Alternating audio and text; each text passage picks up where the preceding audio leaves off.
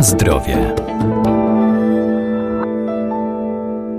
Ziołolecznictwo jest jedną z najstarszych znanych człowiekowi metod wspomagania organizmu, także w stanach chorobowych, a rośliny zielarskie mają nie tylko walory smakowe i zapachowe, ale także zawierają szereg ważnych składników mineralnych czy witamin. Mają też właściwości lecznicze. Dziś powiemy o lipie i rumianku.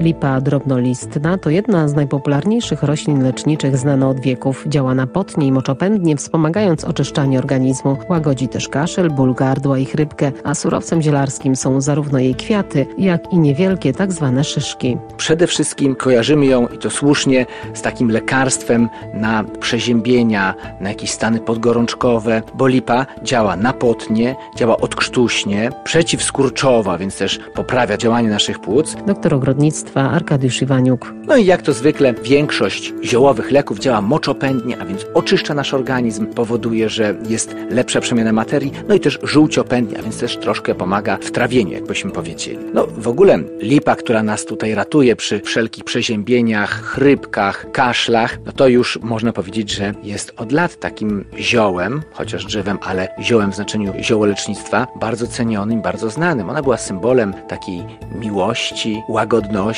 miód lipowy, wiadomo, bardzo zdrowy. Zresztą to jest miód taki powielekroć bogaty, ponieważ pszczoły zbierają nie tylko sam nektar, ale też spać lipową, czyli to, co wydzielają m.in. mszyce. Dzięki temu miód lipowy jest szczególnie bogaty w substancje biologicznie czynne, jakbyśmy powiedzieli, biologicznie aktywne, a więc jest to miód bardzo zdrowy, ale też i smaczny i godny polecenia. A jeszcze taki mały dodatek lipowy, może mało kto wie, że nie tylko kwiat lipowy jest mm, surowcem zielarskim, ale też nawet te orzeszki, kiedy już, no, zdarzy się, że przegapimy na przykład kwitnienie, a chcielibyśmy mieć coś z lipy, to te orzeszki lipowe, jak już dojrzeją, jak się je wyłuska odpowiednim sposobem, to same orzeszki roztarte mogą być dodawane do kąpieli i powodują, że kąpiel w takim balsamie, w takim mleczku z orzeszków lipowych powoduje wygładzenie skóry, działa jak taki delikatny, naturalny balsam, bardzo polecany właśnie dla naszej skóry. Na zdrowie.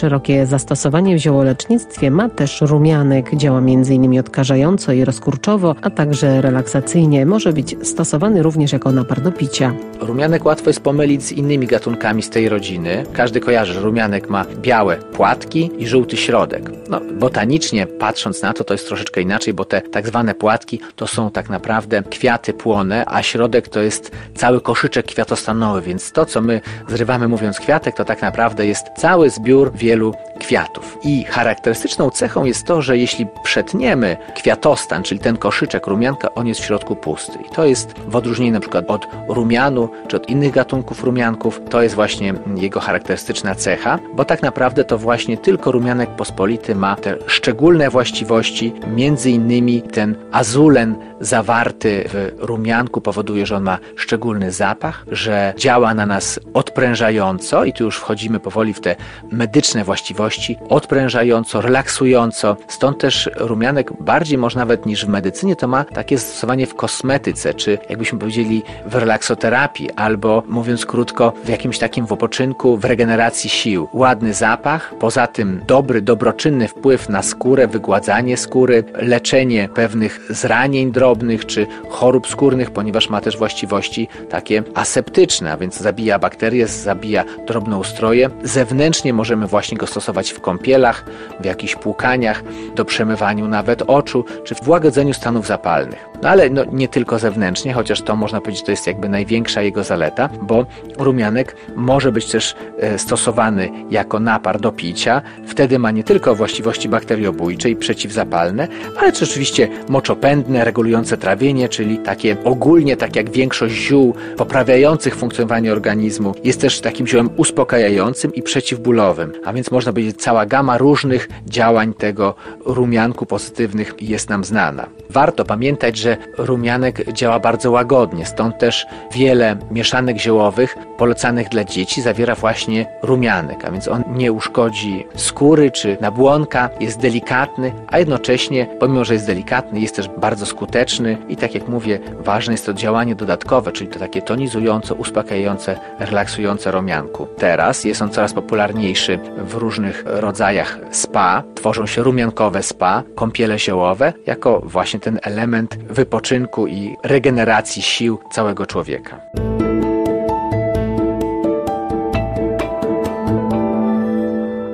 Pamiętajmy, że wszystkie zioła należy zawsze stosować z umiarem, zwłaszcza jeżeli są używane w celach leczniczych. Najlepiej ich zastosowanie i działanie skonsultować z lekarzem.